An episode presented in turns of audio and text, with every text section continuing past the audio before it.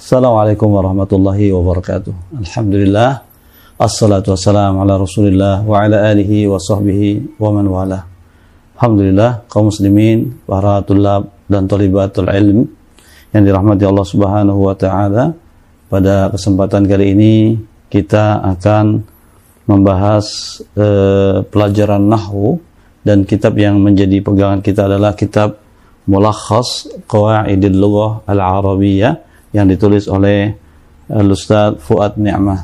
Uh, para tulab dan tulibat yang dirahmati Allah Subhanahu wa taala, kaum muslimin di mana pun kita berada, para pembelajar, para penuntut ilmu, terutama ilmu uh, nahwu yang sama-sama kita cintai, yang perlu kita ketahui bersama bahwasanya nahwu itu tidak serumit yang kita bayangkan. Nahwu itu adalah pelajaran yang sangat-sangat menyenangkan yang apabila kita dalami insya Allah kita akan merasakan kenikmatannya.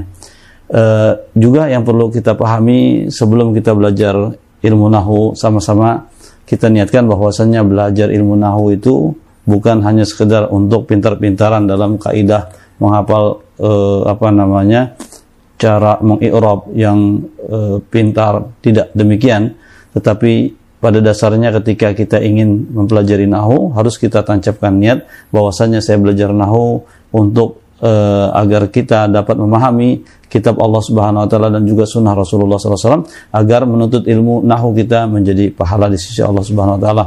Kemudian tidak panjang lebar ya, kita akan masuk kepada pelajaran yang pertama dan ini adalah pertemuan yang pertama bagi kita yang menyaksikan uh, acara ini, menyaksikan tayangan ini dan belum bergabung, silakan bergabung ke grup WA kelas Nahu. Ya ada kelas khusus untuk ikhwan dan akhwat. Silakan di deskripsi di bawah ini silakan di bergabung agar mendapatkan uh, apa namanya informasi update tentang pelajaran Nahu ini insyaallah dan kita akan tuntun kita semua mudah-mudahan dengan izin Allah Subhanahu wa taala dari awal sampai akhir hingga selesai insyaallah. Baik, muqaddimah pendahuluan aqsamul kalimatil arabiyyah. Pembagian kata bahasa Arab. Ya. An-nahwu qawaidu yu'rafu biha wadhifatu kulli kalimatin dakhilal jumlah. Ilmu nahwu adalah kaidah-kaidah yang dikenal dengan kaidah tersebut uh, wazifah, ya, tugas, fungsi daripada setiap kata di dalam kalimat wadabtu awakhiril kalimati wa kaifiyatu i'rabiha. Dan juga ilmu yang dengannya kita mengetahui harokat akhir. Harokat akhir atau baris akhir daripada setiap kata. Dan juga dia adalah kaidah yang dengannya kita memahami bagaimana cara mengi'rabkan setiap kalimat di dalam jumlah. Kemudian watan qasimul kalimatul arabiyyatu salasata aqsam. Dan kata bahasa Arab ya itu terbagi menjadi tiga bagian. Ismun fi'lun wa harf. Ya isim fi'il dan harf. Isim artinya kata benda fi'il kata kerja harf kata sambung.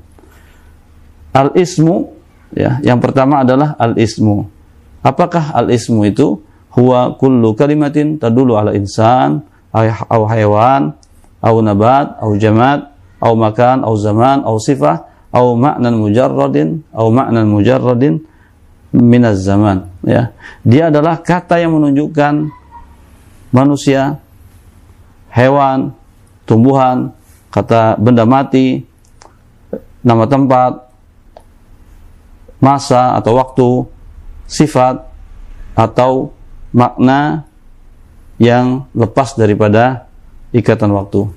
Mislu contohnya adalah rojul ya yang menunjukkan kata insan adalah rojul asad untuk menunjukkan kata hewan zahra menunjukkan kata tumbuhan haid menunjukkan kata benda mati e, al-qahirah menunjukkan e, makan atau tempat e, syahar menunjukkan zaman masa atau waktu nazib menunjukkan kata sifat e, istiqlal menunjukkan kata atau makna yang lepas dari ikatan waktu.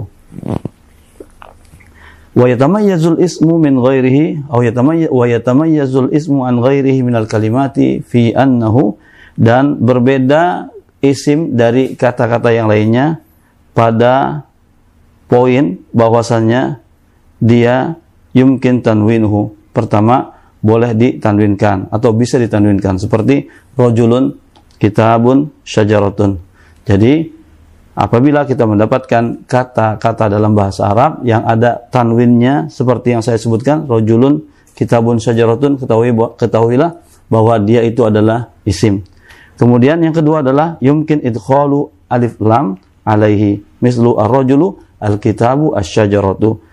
Yang kedua adalah bisa atau boleh dimasukkan alif lam padanya. Contohnya adalah ar-rajulu al-kitabu asy-syajaratu. Lagi saya katakan ketika kita mendapatkan kata-kata di dalam bahasa Arab diawali dengan alif lam seperti ar-rajulu al-kitabu asy-syajaratu atau al-qalam atau al-masjid dan yang lain-lainnya maka ketahui bahwasannya itu adalah isim atau kata benda. Kemudian yang ketiga adalah yumkin idkhalu harfin nida'i alaihi. Boleh atau bisa dimasukkan huruf nida padanya. Contohnya ya Muhammad, ya rajul, ya. Jadi ketika ada kata-kata yang didahului dengan uh, kata seru, ya, kata seru uh, seperti yang tadi saya sebutkan, maka dia itu adalah isim. Kemudian yang keempat, yumkin jarruhu bihurufil jar awil idafah. Boleh atau bisa dimasukkan uh, huruf jar ya atau boleh di uh, bisa dijarkan, bisa dikasrohkan dengan huruf jar atau dengan idofah. Seperti contohnya adalah ala syajarati gusnus syajarah ya, di atas pohon dan e, ranting pohon. Ya. Yang mau kita pahami dari kata-kata ini adalah kata-kata ala syajarati. Jadi karena dia didahului atau dimasuki oleh uh, apa namanya oleh huruf jar kemudian uh, kata-kata asyajarahnya jadi kasroh maka kata-kata asyajarati ini adalah isim kenapa karena di situ ada tanda-tandanya yaitu dimasuki oleh huruf jar atau dikasrohkan oleh huruf jar kemudian yang kelima dan ini yang terakhir yumkin al isnadu ilaihi au al al ikhbaru anhu boleh diisnadkan boleh disandarkan kepadanya atau dengan kata lain dia boleh dijadikan sebagai khobar. Contohnya adalah al-kitabu mufid. Kitab itu bermanfaat. Kemudian wayakfi antak bala al-kalimatu alamatan wahidatan au aksar min hadhil alamat litakuna is litakuna isman. Jadi cukup kata-kata e, menerima satu saja dari tanda-tanda ini atau lebih ya e, agar dia menjadi isim. Artinya yang lima ini nggak mesti semuanya. Untuk menjadi sebuah isim suatu kalimat tidak mesti harus ada padanya eh, ciri-ciri e, semua ini. Tidak. Artinya cukup satu saja atau dua. Kemudian yang kedua adalah al fi'lu fi'il huwa kullu kalimatin tadulu ala huduthi syai'in fi zaman khas dia adalah setiap kata yang menunjukkan terjadinya suatu perkara pada waktu yang khusus. Mislu kataba yajri isma' seperti kata-kata kataba yang artinya telah menulis, yajri yang artinya sedang berlari, isma yang artinya dengarkanlah. Ya, yang pertama menunjukkan suatu pekerjaan yang terjadi pada masa lampau, yang kedua menunjukkan uh, suatu pekerjaan yang sedang terjadi saat ini, dan yang ketiga adalah menunjukkan suatu pekerjaan yang dituntut oleh seseorang untuk dilakukan oleh seseorang pada waktu yang akan datang. Wa yatamayyazul fi'lu an ghairihi minal kalimat fi annahu yumkin dan fiil berbeda dari kata-kata lainnya pada poin bahwasannya dia boleh atau bisa ittisaluhu bita'il fa'il. Yang pertama adalah dia boleh untuk atau bisa bersambung dengan ta al fa'il. Contohnya kata betul syakarta ya. Terus kemudian yang kedua adalah dia boleh atau bisa bersambung dengan ta at-ta'nits. Contohnya katabat taktubu. Yang ketiga adalah dia bisa bersambung dengan ya al-mukhatabah. Ittisaluhu bi ya al-mukhatabah. Contohnya taktubina ushkuri. Ya. Yang keempat ittisaluhu binuni taukid. Dia boleh atau bisa bersambung dengan nun atau kid. Contohnya layak tubanna, uskuranna, dan yang lain-lainnya. Ya, jadi kalau ada kata-kata di dalam bahasa Arab yang pertama bersambung dengan ta'ul fa'il atau bersambung dengan tak taknis atau bersambung dengan ya al mukhatabah atau bersambung dengan nun taukid maka pastikan dia itu adalah fi'il ya. Kemudian yang ketiga al harf kata sambung. Apa itu al harf? huwa kullu kalimatin laisa laha ma'na illa ma'a ghairiha. Dia adalah kata yang tidak memiliki makna kecuali bila bersambung dengan yang lainnya. Contohnya fi, an, hal, lam, juga wa. Artinya kata-kata ini ketika kita tanyakan contohnya wa, apa artinya wa? Kita tidak bisa bilang wa artinya dan kecuali kalau kita sudah mengetahui jumlah atau kalimat secara sempurna. Contohnya ketika saya mengatakan ja'a Muhammadun wa aliyun, maka di situ baru kita boleh artikan adalah dan. Tapi ketika saya mengatakan wal asri atau wallahi tidak bisa kita artikan wow di sinilah dan karena dia adalah wawul qasam yaitu artinya demi Allah demi masa.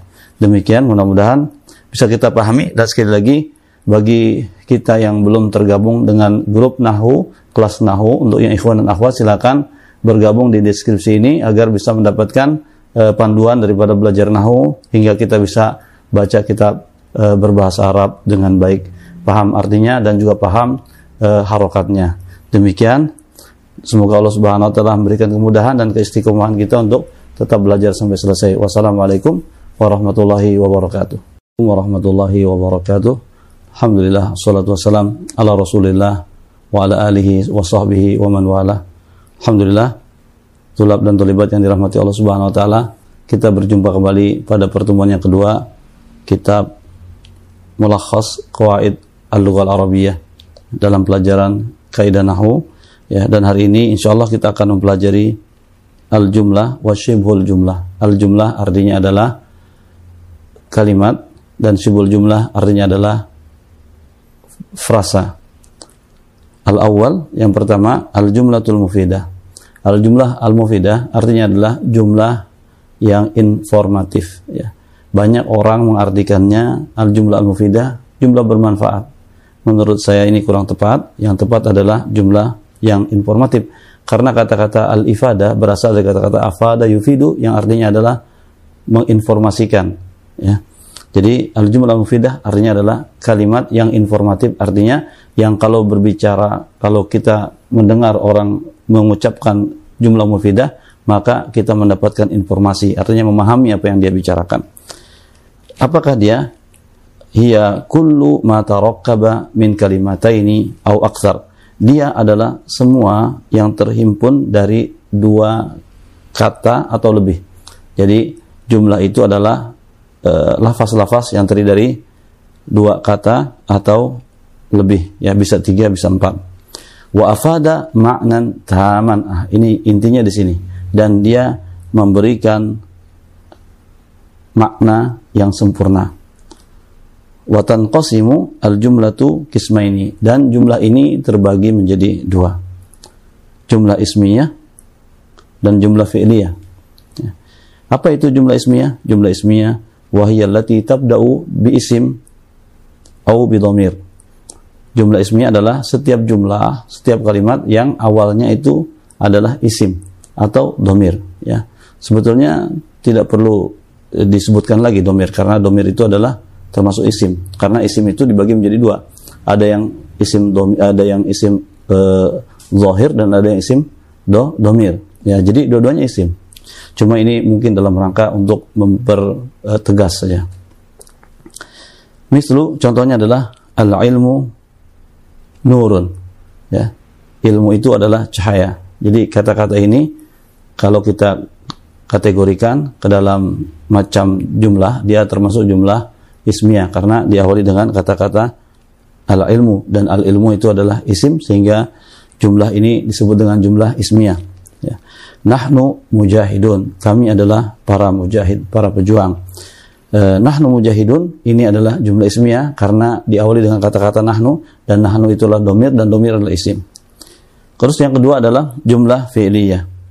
wahiyallati tabda'u bi fi'il. Dia adalah jumlah atau kata atau kalimat yang uh, diawali oleh diawali dengan fi'il. Mislu contohnya hadara ar-rajulu.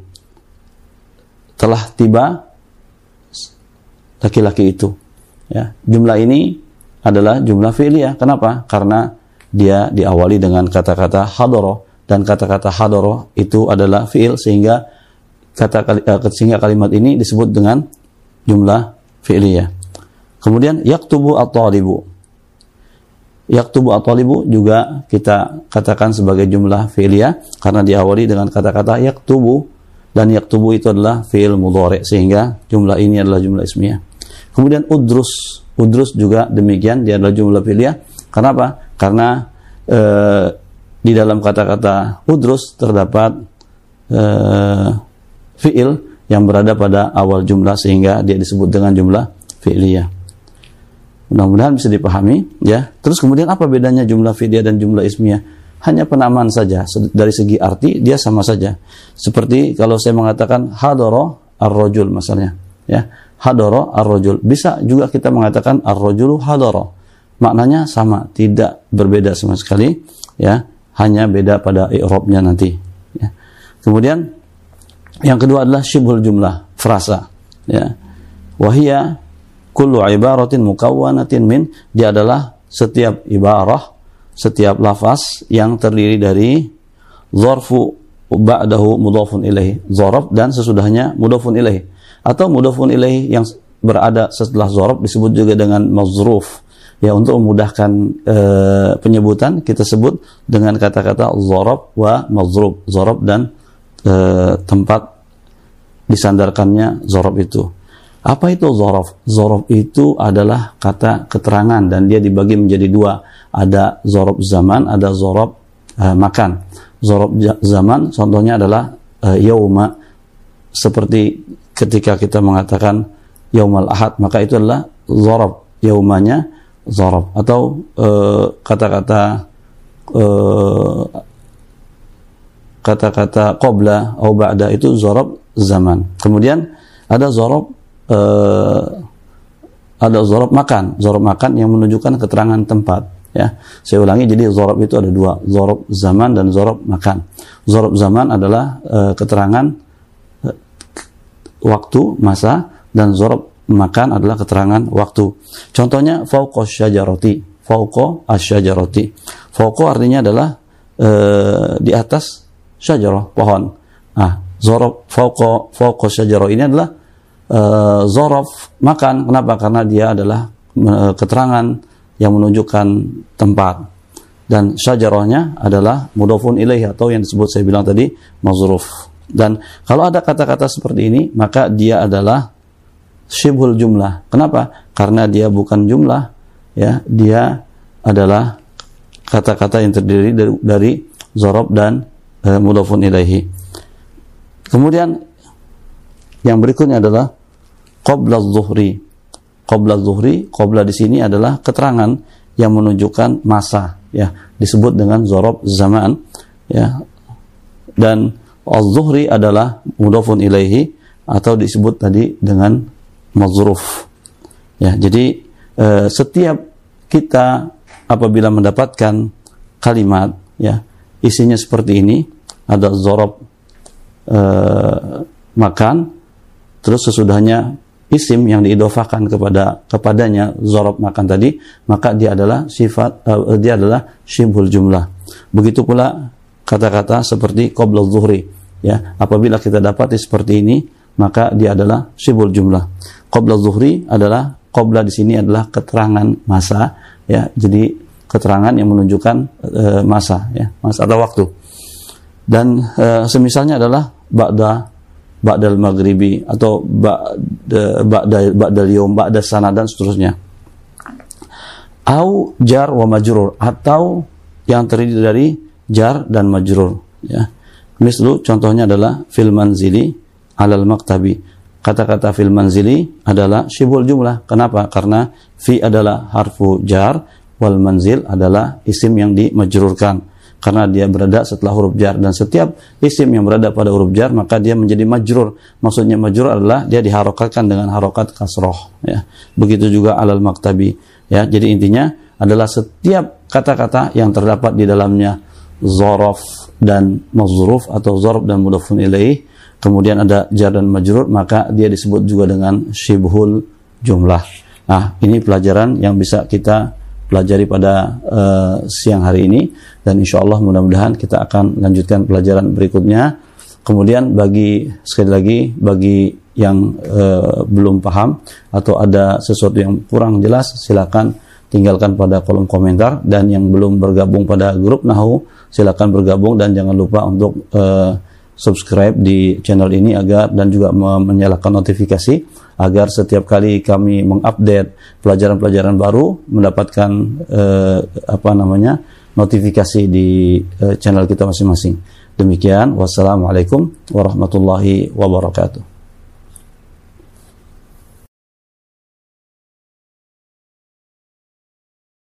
Bismillahirrahmanirrahim. Assalamualaikum warahmatullahi wabarakatuh.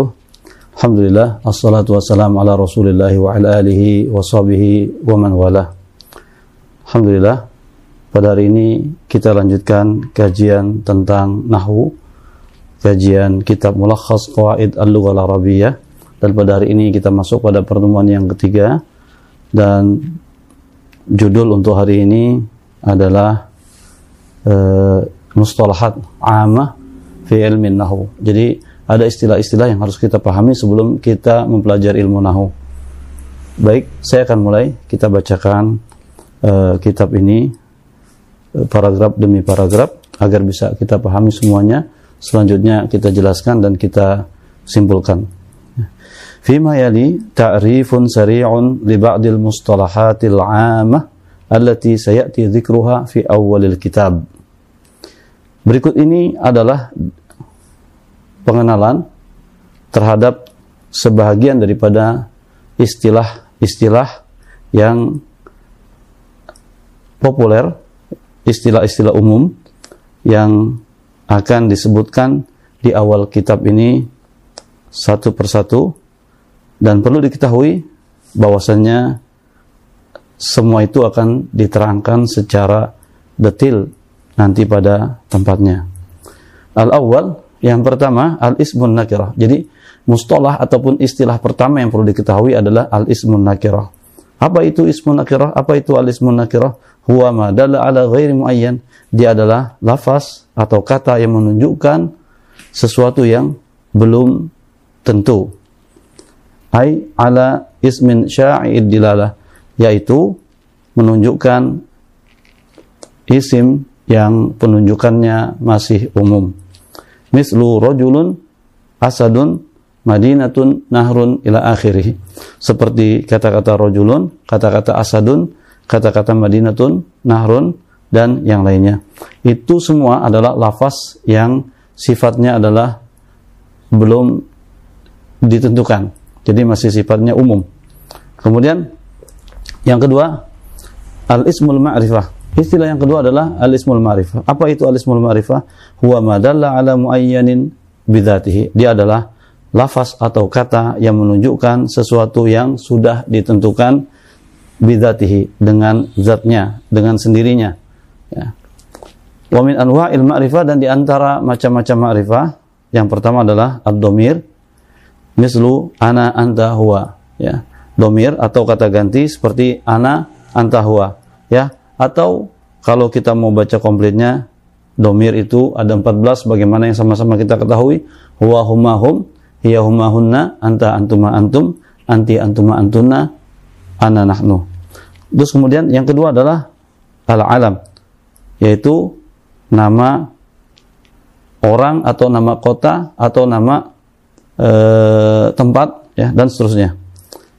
Mislu contohnya Muhammad Al-Qahirah dan yang lain-lain Kemudian yang ketiga yang termasuk ma'rifah adalah ismul isyarah, kata tunjuk.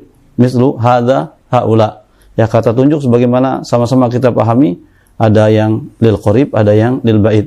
Ada yang untuk dekat, ada yang untuk jauh. Untuk dekat seperti hadza, hadhihi, yang jauh dalika, tilka, dan seterusnya dan ini insya Allah akan kita jabarkan pada tempatnya nanti ya terus kemudian yang keempat al ismul mausul yaitu kata sambung contohnya alladzi alladzina dan yang lainnya kemudian yang termasuk juga di antara al-ma'rifah atau al-ismul ma'rifah adalah al-mu'arraf bi al setiap lafaz yang ada alif lam di awalnya itu adalah ma'rifah. Contohnya ar-rajul, al-asad, al-madinah, an-nahar, ya. Kemudian al-mudhaf ila al-mu'arraf bi al. Kemudian lafaz yang diidofahkan kepada kata-kata yang ada alif lamnya yang diawali dengan alif lam atau yang ditakrifkan dengan alif lam. Contohnya kitabu at-talibi, ya, kitabnya si pelajar suratu al-hadiqati. Nah, ini adalah ya, kitabu aslinya dia adalah e, nakirah tapi ketika dia disandarkan kepada kata-kata al-talib dan karena dia ada alif lamnya maka dia jadi ma'rifah. Kemudian al-munada al-maqsud ta'yinuhu. Kemudian yang terakhir adalah al-munada yaitu lafaz yang dipanggil ya yang dimaksudkan dan tertentu ya Contohnya ya munadil, ya talib, ya rojul. Ya ketika kita memanggil ya talib, talibnya itu sudah kita maksudkan. Jadi bukan bukan kata-kata yang sifatnya umum, tapi dia adalah spesifik. Ya. Macam-macam makrifat itu ada tujuh berdasarkan penjelasan yang tadi sudah disampaikan. Terus yang ingin saya sampaikan di sini adalah tentang penggunaan alif lam. Kapan kita menggunakan alif lam di dalam percakapan kita sehari-hari? Ya, di dalam kita menggunakan isim dan juga kapan kita menggunakan yang e, nakirah tanwin. Saya berikan contoh seperti ini. Ketika saya berkata kepada seseorang, eh, ini kitaban. Terus kemudian orang itu bawa kitab. Apa pun kitabnya, maka berarti orang itu sudah menjalankan perintah saya. Betul, tepat. Ya, kenapa? Karena saya minta kitab apa saja, tidak ada masalah dia bawa kitab apa. Terus kalau kita kapan kita menggunakan alif lam? Ketika Misalnya seperti ini, saya ada sedang ada pembicaraan dengan salah seorang santri. Saya bilang saya butuh uh, atau ambilkan saya kitab nahu, ya. Terus kemudian uh, setelah beberapa saat saya tanya lagi kepada anak tersebut kepada tolib tersebut. Saya bilang aina alkitab? Ya ketika saya bilang aina alkitab langsung connect antara saya dengan dia bahwa yang Alkitab yang dimaksud adalah kitab An-Nahu karena sebelumnya kita sudah ada pembicaraan sepakat untuk dia mengambilkan saya kitab Nahu kurang lebih seperti itu ya. Jadi kapan kita menyebutkan alif lam? Ketika ada sesuatu yang sudah sama-sama dipahami. Udah ma'rifah antara kedua belah pihak antara yang berbicara dengan yang diajak berbicara tapi kita lanjutkan yang kedua at-tanwin apa itu tanwin dia adalah nun sakinah la tuktab dia adalah nun sakinah, nun sukun yang tidak ditulis. Wa yuntaqu biha fi akhiri al ismin nakirah. Tapi disebutkan pada isim yang nakirah, pada akhir isim yang nakirah. Wa tursam ini dan ditulis ya e, bentuknya dengan dua doma atau domatain atau fathatain atau kasratain ya. Mislu contohnya jaa rojulun ro'aitu rojulan marartu birojulin. Nah, ini adalah uh, tanwin. Jadi tanwinnya itu adalah yang un, an, in. Ya. Terus yang ketiga, al-ismul mufrad. Apa itu al-ismul mufrad? Ya. Huwa madala ala wahid. Aw wahidatin. Dia adalah lafaz yang menunjukkan satu ya untuk muzakkar atau satu untuk muannas. Contohnya walad yang artinya anak atau fatah yang artinya seorang uh, pemudi. yang keempat, al-ismul musanna apa itu alismul musanna? Huwa madalla ala isnaini au isnataini bi ziyadati alif wa nun au ya wa nun ilal mufrad. Di, uh, ismul musanna, al ismul musanna adalah lafaz atau kata yang menunjukkan dua untuk muzakkar atau muannas. Ya. ya, yang kelima adalah al jama'. Huwa madalla ala aktsar min isnaini au isnataini. Jama' itu adalah sesu, uh, lafaz yang menunjukkan Eh, lebih dari dua muzakkar atau dua muannas. Dan jamak itu ada tiga macam. Yang pertama adalah jamak muzakkar salim, yang kedua jamak muannas salim, yang ketiga adalah jamak taksir. Jamak muzakkar salim biziyadati waw wa nun aw ya wa nun ilal mufrad. Ya jamak muzakkar salim itu dengan penambahan alif dan uh, waw dengan dengan nun dan atau ya dan, dan nun di akhir kalimat ya di akhir mufradnya. Contohnya adalah muhandisun atau muhandisin ya. Terus kemudian uh, yang kedua adalah jama' muannas salim yaitu dengan penambahan alif dan ta ke mufradnya. Contohnya muhandisat, muslimat, mukminat, muhajirat dan seterusnya. Itu namanya adalah jamak muannas salim dan tetap bentuknya tetap seperti itu permanen. Ya. Yang ketiga adalah jamak taksir. Jamak taksir ini bentuknya nggak permanen. Dia berubah-ubah bentuknya berubah e, dari aslinya, dari mufradnya. Contohnya rijal, rijal itu asalnya rojul. E, terus kemudian mayadin, mayadin aslinya adalah maidan dan kudat, kudat itu aslinya qadi, ya. Coba lihat perubahannya tidak konsisten. Ya. Terus yang keenam adalah al-masdar. Apa itu masdar? Ismun ya dulu ala maknan mujarrad minaz zaman. Dia adalah lafaz yang menunjukkan suatu makna, ya, suatu pekerjaan tapi terlepas daripada daripada ikatan waktu. Wa huwa mukawwanun min hurufil fi'li dan dia e, lafaz ini terdiri dari huruf-huruf fi'ilnya. Contohnya hadara ya masdarnya huduran ya e, tola'a masdarnya tulu'an ya lihat lafaznya e, kata-katanya e, huruf-hurufnya diambil dari huruf fi'il. Terus e, kalau kita artikan hadara artinya telah hadir, tapi kalau hudur adalah kehadiran. Sedangkan tola'a telah terbit. Kalau tulu terbit ya. Wal masdaru nau'an dan masdar itu ada dua macam ya. Masdar sorih kama fil mithalaini sabiqaini. Masdar sorih itu yang seperti tadi kita sebutkan ya yang pada pertama ini. Dia adalah e, contohnya seperti tadi saya katakan hudur hadara hudur. Terus kemudian yang kedua adalah masdar muawwal. Masdar muawwal huwa kullu ibaratin mukawwanatin min an wal fi'al au min an wa ismuha. Min an wa ismiha wa khabariha wa yumkin ta'wiluha uh, ila masdarin sorih. Contohnya, arju antahdur. Ya, ini boleh kita takwilkan menjadi arju hudu roka. Ya, jadi antahdur ini adalah yang disebut dengan masdar muawwal. Terus yang berikutnya contohnya adalah atamanna anna syamsa tali'atun. Hai atamanna tulu asyams. Ya, saya berharap saya berangan supaya matahari itu terbit ya. Terus yang ketujuh, al-fi'lul madhi. Apa itu fi'il madhi? Fi'il madhi adalah kata lampau ya. Huwa madalla ala huduthi syai' qabla zamani takallum.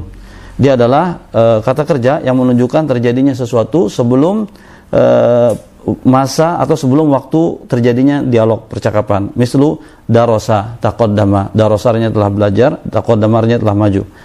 Kemudian yang kedelapan al-fi'lul mudhari, fi'il mudhari. Huwa madalla ala huduthi syai' fi zaman takallum au ba'dahu. Dia adalah lafaz atau kata kerja yang menunjukkan terjadinya sesuatu di waktu terjadinya percakapan. Au ba'dahu atau sesudahnya. Ya. Mislu yadrusu yataqaddam, ya. Jadi yang kesembilan adalah fi'lul amr. Huwa mayut mayatlub bihi hudutsa syai'. Dia adalah uh, lafaz yang uh, menunjukkan permintaan untuk dilakukannya sesuatu pekerjaan setelah waktu percakapan terjadi. Contohnya adalah udrus, pelajarilah, taqaddam, majulah seperti itu. Jadi uh, pekerjaan itu belum terjadi pada saat uh, terjadinya pembicaraan. Terus yang terakhir adalah hurufu al-illah. Apa itu huruf illah? Hiya al-alifu wal waw wal ya. Jadi perlu diketahui bahwa yang disebut dengan huruf ilat itu ada tiga yaitu alif, waw dan ya. Nah, inilah istilah-istilah yang eh, istilah-istilah yang perlu kita pahami sama-sama supaya tidak uh, bingung ketika mendengar kata-kata ini. Insya Allah mudah-mudahan uh, kita diberikan kepahaman Allah Subhanahu Wa Taala dan kita akan lanjutkan pada uh, episodenya berikutnya. Insya Allah pada pelajaran berikutnya. Demikian wassalamualaikum warahmatullahi wabarakatuh. Warahmatullahi wabarakatuh. Alhamdulillah. Assalatu wassalamu ala Rasulillah wa ala alihi wa sahbihi wa man walah tulab dan tulibat yang dirahmati Allah Subhanahu wa taala, kembali kita masuk pada kajian nahu dan dalam hari ini dan pada hari ini insyaallah kita masuk pada bab yang pertama. Al-babul awal. Al-isim min haitsul i'rab wal bina. Pembagian isim jika ditinjau dari segi i'rab ataupun bina. Maksudnya dari segi boleh atau tidak atau bisa atau tidak harokat terakhirnya berubah ya Tibqan liqawaidin nahwi berdasarkan atau sesuai dengan kaidah-kaidah ilmu nahwu yanqasimul ismu min haitsul i'rab wal bina qismaini mu'rab wa mabni ya. Sesuai dengan kaidah-kaidah nahwu e, isim dibagi menjadi dua jika ditinjau dari al-i'rab wal bina. Jika ditinjau dari apakah dia bisa berubah harokat akhirnya atau tidak ya maka dia men, e, dibagi menjadi dua ya yang pertama adalah mu'rab yaitu yang bisa berubah akhirnya wa mabni dan yang mabni yang permanen yang tidak bisa berubah uh, harokat akhirnya. Yang pertama al-ismul mu'rab huwa alladhi yataghayyar syaklu akhirih bitaghayyuri mawqi'ihi fil jumlah. Yang pertama adalah isim mu'rab. Isim mu'rab yaitu uh, isim yang berubah-ubah uh, harokat akhirnya dengan atau bersamaan dengan perubahan posisinya di dalam di dalam jumlah. Ya. Fakalimatu ar-rajul masalan contohnya adalah kata-kata ar-rajulu ya wahya isim dia adalah isim mu'rab yakunu akhiruha ad-dhammah yang akhirnya bisa berupa dhammah awil fathah atau bisa juga fathah awil kasroh atau bisa juga berupa kasroh maksudnya adalah kata-kata ar-rajulu itu tidak selalu dhammah akhirnya ya dia bisa doma, bisa ar-rajulu, bisa juga ar-rajula, bisa juga ar-rajuli. Kapan dia bisa berubah itu? Apabila berubah posisinya pada pada jumlah, ya. Jadi ala hasab mauqiha fil jumlah, sesuai dengan posisinya atau jabatannya pada jumlah atau pada kalimat. Tibqan lima sayuwaddahu bil faslil awal minal kitab, ya. Dan juga sesuai dengan apa yang akan dijelaskan nanti pada pasal pertama daripada kitab ini, ya. Yang kedua adalah al-ismul mabni. Isim mabni atau boleh kita bilang isim yang permanen ya. Walladzi la yataghayyaru syaklu akhirih bi taghayyuri mawqi'ihi fil jumlah. Dia adalah lafaz atau isim yang tidak berubah harokat akhirnya walaupun posisinya berubah-ubah dalam jumlah ya. Fa kalimatu nahnu masalan contohnya adalah kata-kata nahnu. Wahya ismun mabni, dia adalah isim yang mabni, isim yang permanen yakunu akhiruha daiman ad-dhammah dan akhirnya harokat akhirnya selalu domah ya. Artinya apa? Eh, nama waqaat fil kalam. Di mana pun posisinya di, dalam di dalam uh, di dalam kalimat ya. Artinya tidak pernah kita akan mendapatkan kata-kata nahnu itu berubah menjadi nahna atau nahni. Tidak bisa. Tetap dia nahnu walau apa pun dia posisinya.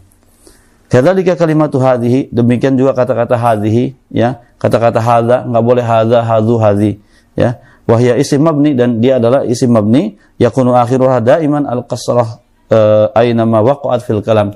Dan harokat akhirnya selalu kasrah dan di mana pun posisinya atau apa pun posisinya di dalam di dalam jumlah ya. Kemudian al asmaul mabniyah dan di antara isim-isim yang mabni ya uh, adalah pertama domir ya. Domir sebagaimana sama-sama kita ketahui seperti huwa humahum ya humahunna dan seterusnya. Itu posisinya permanen sesuai dengan uh, apa yang kita dapati tidak berubah-ubah. Ya. Kemudian asmaul isyarah, ya. asmaul isyarah seperti yang kita pernah bahas, contohnya adalah hadza, dalika, nggak pernah dalika, daliku, daliki. Ya. Wal asmaul mausulah, asmaul mausulah juga demikian, alladzi nggak boleh alladzi, alladza, alladzi, eh, alladzu. Ya. Uh, kemudian asma'u asyarat juga asma'u syarat soal seperti kata-kata uh, man ya terus kemudian kata-kata aina, mata dan seterusnya. Terus kemudian asmaul istifham, asmaul istifham dengan asmaul uh, asma, asmaul uh, apa namanya asmaul istifham dengan asmaul isyarat hampir mirip kata-kata man, ma, mata ya. Uh, tinggal penggunaannya saja di dalam jumlah dan itu semuanya permanen. Ya, nggak boleh kita man bilang kita uh, apa namanya? kita katakan mun atau min dan seterusnya. Tidak, tetap dia permanen man dan harokat akhirnya adalah mati. Ya, sukun. Terus kemudian uh, juga ba'du zurub sebagian zurub, sebagian zorob. Seperti kata-kata haitsu, seperti kata-kata uh, baina, ya, dan seterusnya. Wa asmaul af'al, juga asmaul af'al. Di antara asmaul af'al adalah hayhat, ya, syatan, sur'an. Itu permanen, tidak berubah-ubah harokat akhirnya. Wal adadul muraqabah dan juga bilangan-bilangan ganda seperti ahad asyar, salah satu asyar, arba'ata asyar. Seterusnya dia akan uh, apa namanya? bentuknya tetap satu bentuk tidak berubah-ubah ya. Apa pun posisinya di dalam uh, jumlah.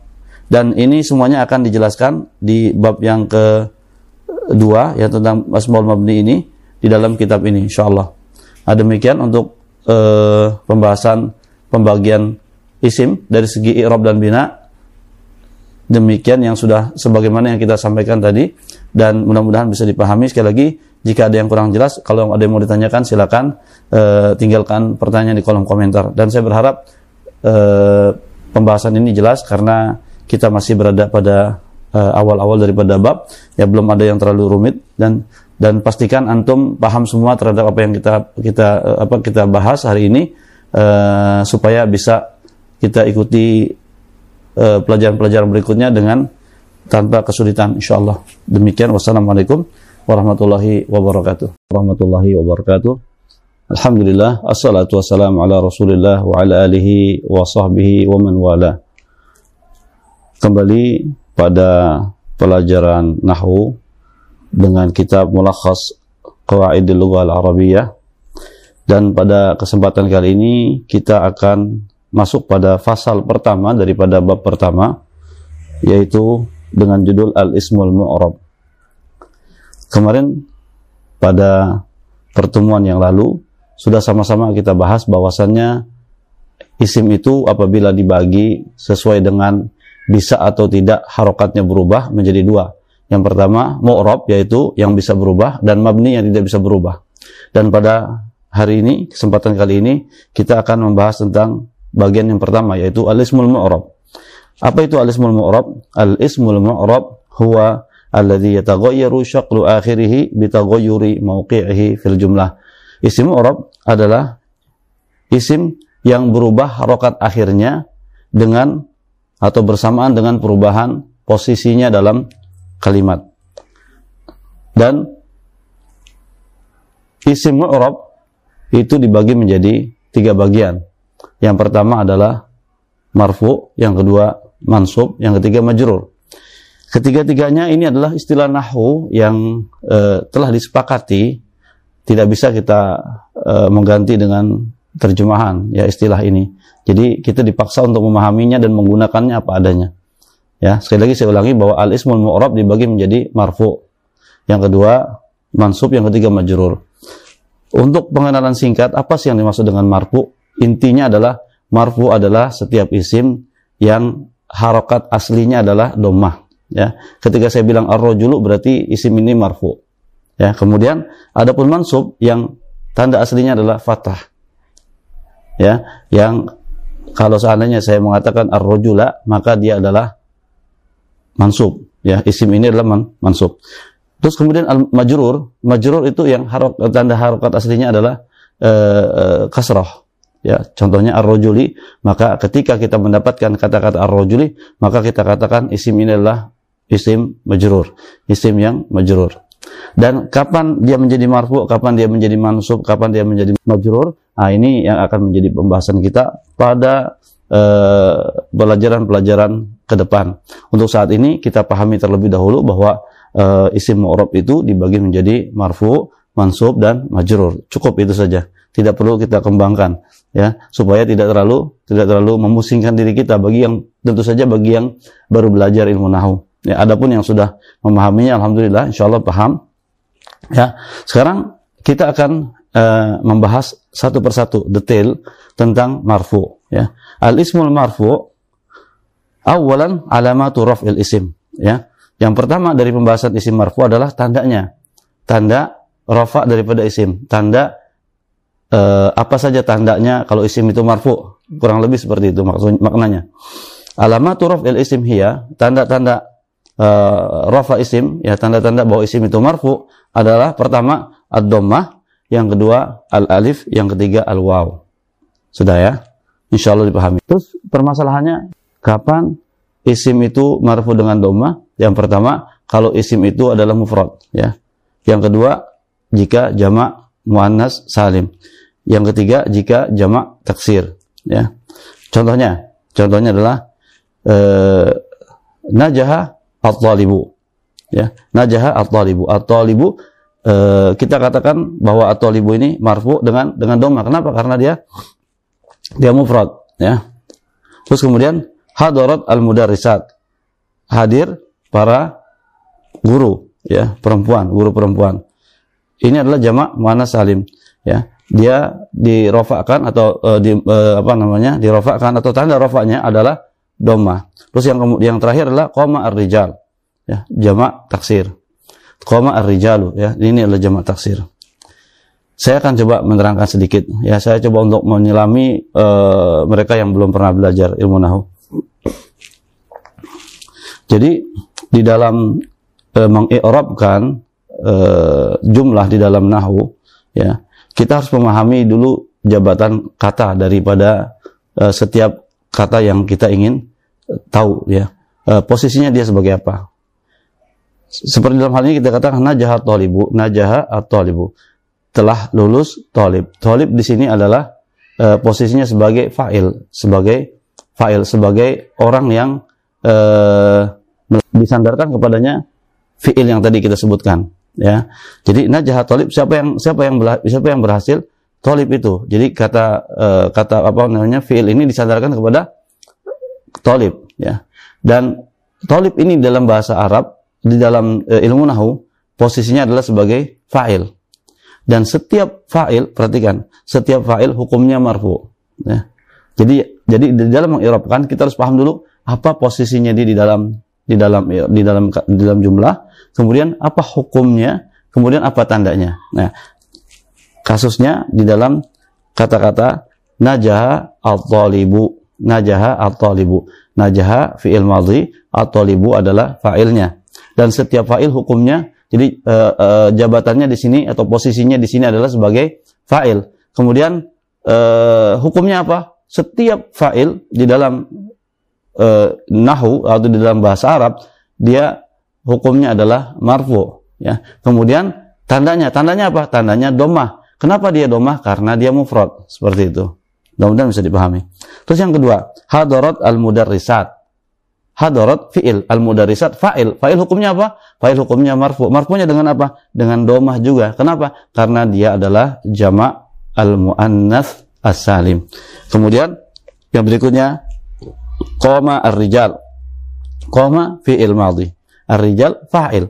Hukumnya apa fa'il? Marfu. Kemudian tandanya apa? Domah. Kenapa? Karena dia adalah jamak taksir. Kurang lebih seperti itu. Mudah-mudahan dipahami. Kalau belum pahami, silakan untuk uh, meninggalkan uh, di pertanyaan di komentar silakan. Kemudian tanda yang kedua adalah al-alif. Ya. Kapan uh, sebuah isim itu marfu dengan tanda alif. Yang pertama adalah fil musanna. Ya, apabila dia isimnya adalah musanna, ya. Dan wahadhi al alifu dan alif ini laisat uh, juz'an minal isim. Dan uh, alif ini bukan bagian daripada isim. Wa inna tuzadu ilal ismi akan tetapi dia ditambahkan ilal ismil mufrad kepada isim yang mufrad tadi lidilalati ala tasniyah untuk menunjukkan bahwa dia jumlahnya dua. Ka'alamatin liraf'i al-isim atau sebagai tanda daripada dia adalah isim yang marfu. Contohnya najaha at-talibani. Najaha at-talibani. Ini adalah musanna muzakkar. E, najaha artinya berhasil atau lulus at-talibani dua siswa. Ya, hukumnya apa? Hukumnya e, atau jabatan katanya apa di sini? Sebagai fa'il.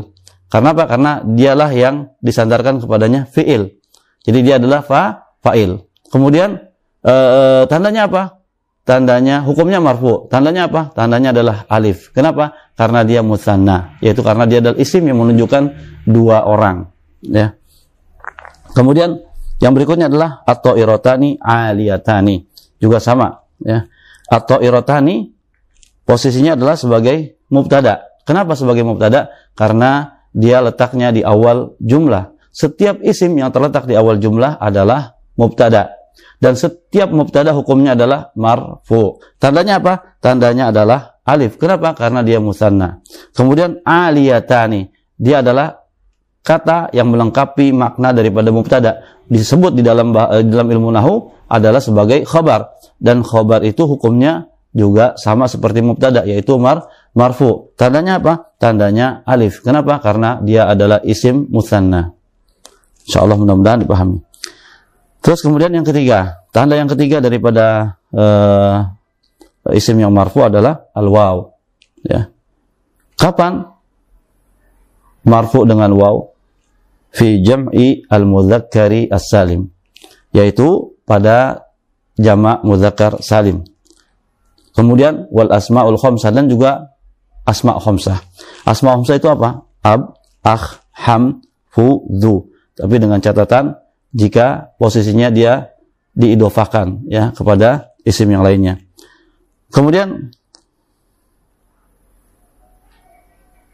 wow al jama' waw di jama' ini laisa juz'an minal isim. Dia adalah bukan bagian daripada isim. Wa inama tuzadu ilal ismil mufrad. Akan tetapi dia ditambahkan kepada isim yang mufrad lidilalati alal jama' untuk menunjukkan e, bahwa ini adalah lafaz jama' ya, bentuk e, plural ya. Kemudian wa ka'alamatin lirrafa dan juga dia sebagai tanda daripada rafa ya. Contohnya hadara al muhandisun Ya, ini adalah hal muhandisun adalah jamak mudzakkar salim. Hadara artinya adalah datang, hadir. Al muhandisun uh, insinyur ya. Para insinyur, para insinyur ya.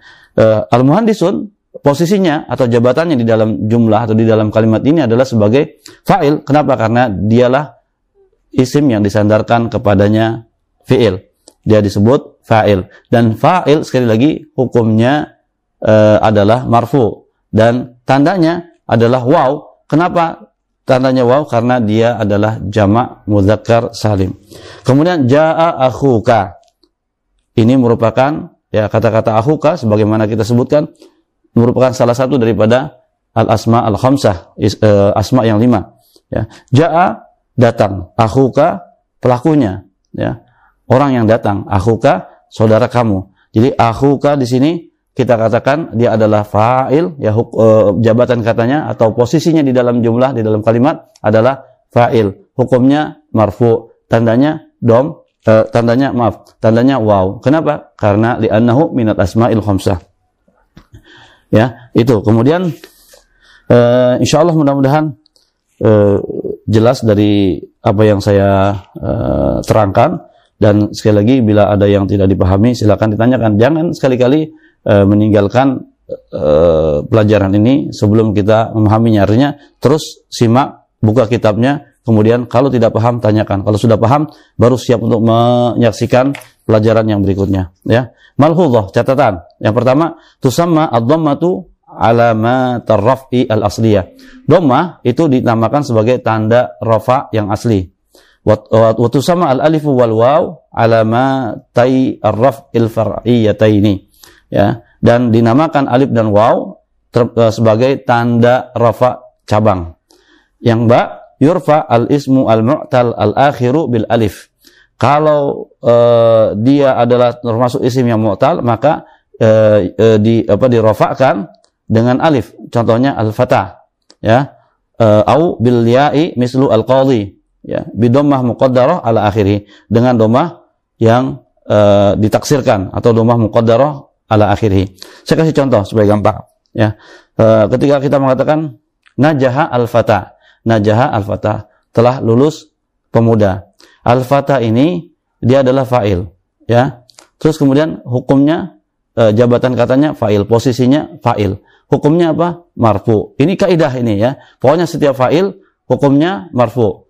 Tandanya apa? Tandanya adalah dhammah muqaddarah ala al-alif ya domah muqaddarah ba yurfa al ismul mu'talul akhiru bil alif ya isim mu'tal akhir dirofakkan dengan alif contohnya al fata ya au bil ya mislu al qadi atau dengan ya seperti kata-kata al qadi bidommatin muqaddaratin ala akhiri dengan domah yang ditaksirkan ya domah muqaddarah ala akhiri domah muqaddarah di akhirnya uh, saya kasih contoh misalnya najah al fata al fata ya e, jabatan katanya adalah sebagai fa'il.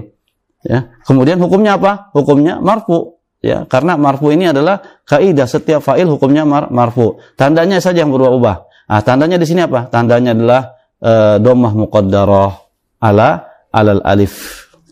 Ya, ala alal alif. Alifnya mana? Kata-kata fata itu ya bukan ya, itu namanya fa, alif ya, alif uh, alif maksurah ya.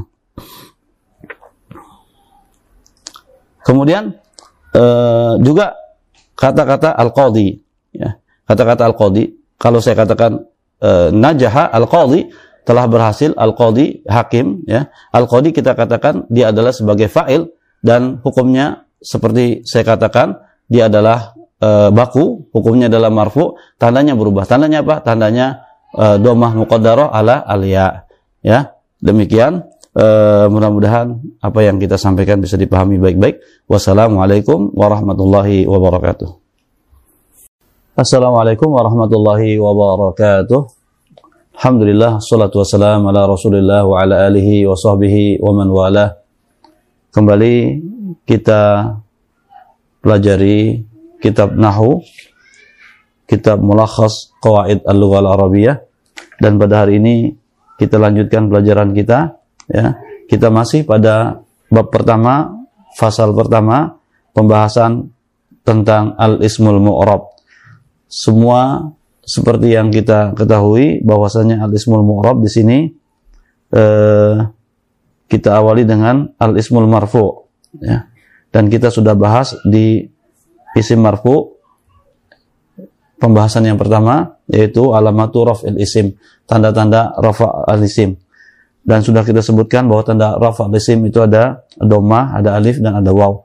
Dan pada hari ini insya Allah kita akan masuk kepada sub bahasan yang ke berikutnya yaitu halatu raf'il isim yaitu keadaan-keadaan kapan uh, isim itu menjadi marfu ya.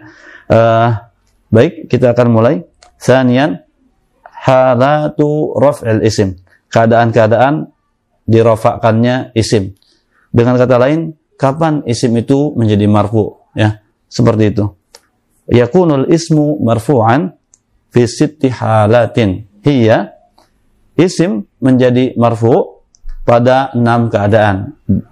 Apa saja enam keadaan itu? Satu, ya, al-awwal al-mubtada, yaitu apabila posisinya sebagai al-mubtada. As-sani, yang kedua al-khabar, apabila posisinya sebagai khabar. As-salis, ya, isim kana atau ihda akhwatiha. Isim kana atau salah satu daripada saudaranya. Ya.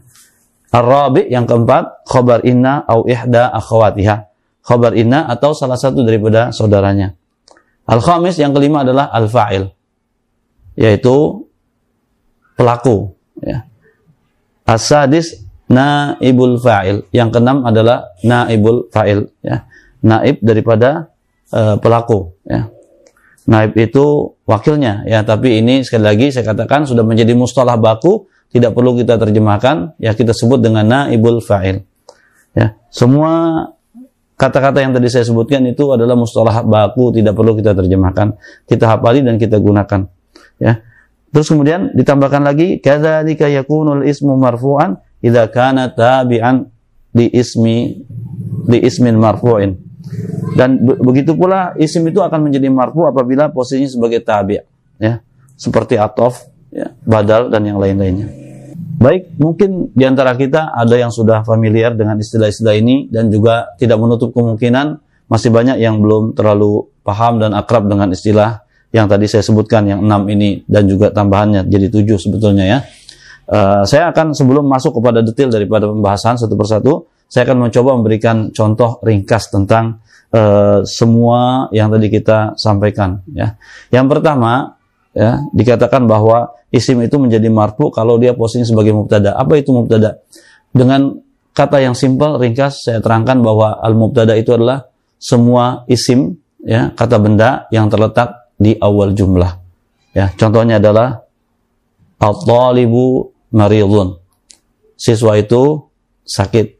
Kata-kata al-talib adalah isim dan dia terletak di awal jumlah, maka dia adalah mubtada dan hukumnya marfu maka tandanya adalah ad-dhammah sebagaimana saya sebutkan tadi at-talibu maridun. Insyaallah bisa dipahami. Yang kedua, al-khabar. Al-khabar adalah e, kata yang melengkapi makna mubtada. Artinya apabila seseorang berbicara mubtada saja, isim saja ya yang e, tanpa dilengkapi dengan khabar maka tidak bisa dipahami. Seperti ketika seorang mengatakan at-talibu ya Pasti siapa pun mendengar yang mendengar kata-kata ini dia menanti ada kata-kata yang melengkapi uh, makna daripada kata-kata at-talibu itu ya. Maka ketika saya katakan at-talibu maridun talib itu sakit maka sakit itu adalah khabar daripada mubtada. Dia adalah penyempurna daripada makna uh, at-talib ya. Dan khabar ini sama hukumnya itu marfu juga ya. Jadi sekali lagi saya katakan marid karena dia posisinya sebagai pelengkap daripada atau penyempurna daripada makna makna mubtada maka dia posisinya adalah sebagai khabar. Dan uh, hukumnya adalah marfu tandanya adalah domah dalam hal ini karena dia mufrad ya. Yang ketiga isim kana au ihda akhwatiha. Isim kana atau salah satu daripada saudaranya. Nanti bahasannya berikut lah supaya tidak bingung tentang apa namanya tentang kana dan akhwatuha akan dibahas secara rinci pada pembahasan berikutnya. Ya, sekarang kita fokus pada isim kana, isim kana saja contohnya. Ya, isim kana ini dari kata yang sama saya tadi kita katakan at-talibu maridun, ya. Ketika kita uh, ketika kita mengatakan at-talibu maridun, maka dia tidak terikat dengan waktu, ya. Ketika artinya adalah bahwa uh, santri atau siswa itu sakit Kapan sakitnya? Tidak ada keterangan di dalam kata-kata ini. Tetapi ketika kita tambahkan kana, maka dia akan e, menghasilkan sebuah informasi tambahan, yaitu bahwa kejadian sakitnya itu adalah telah lampau. Ya. Maka ketika kita katakan kana at-talibu ya, dan karena dia ada ada kata-kata kana, maka ada beberapa perubahan. Ya, perubahannya adalah pertama e, at-talibunya tetap dia e, marfu dan maridun dia posisinya harus jadi mansub. Dan ini bukan bahasan kita. Bahasan kita uh, nanti akan datang ya. Sekarang yang jadi fokus pembahasan kita adalah uh, pada isim kana ya. Sekali lagi saya ulangi bahwa kata-kata yang mulanya mubtada khobar atau libu maridun ketika masuk kana maka kata-kata atolib yang tadinya mubtada berubah menjadi isim kana. Dan khobar mubtada berubah menjadi khobar kana. Ya hukumnya isim kana itu marfu. Makanya di sini masuk ke dalam ke dalam uh, salah satu daripada keadaan-keadaan yang uh, apa namanya dimarfukan ya. Kemudian berikutnya adalah khobar inna au ihda akhwatiha. Sekali lagi saya akan e, menggunakan kalimat yang sama at-talibu dari kata-kata at-talibu maridun. Dia adalah sebuah kalimat biasa-biasa saja, normal ya tapi ketika dia dimasuki huruf inna, maka maknanya adalah penekanan. Ya, di situ ada penekanan. Ya, dengan diartikan ya kalau diartikan menjadi sesungguhnya siswa itu sakit. Jadi ketika kita memasukkan dia inna menjadi inna toliba ya, tolibanya berubah ya menjadi dengan fathah ya atau dengan kata lain hukumnya jadi mansub.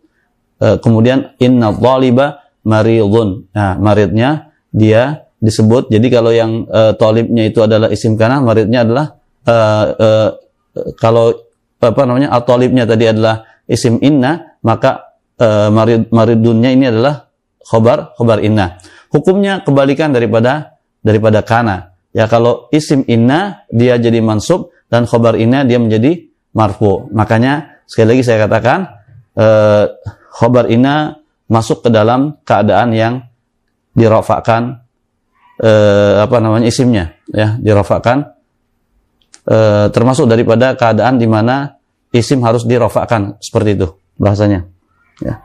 kemudian yang kelima adalah al fa'il al fa'il itu adalah eh, isim yang disandarkan kepadanya perbuatan. Artinya dari sanalah muncul perbuatan ya.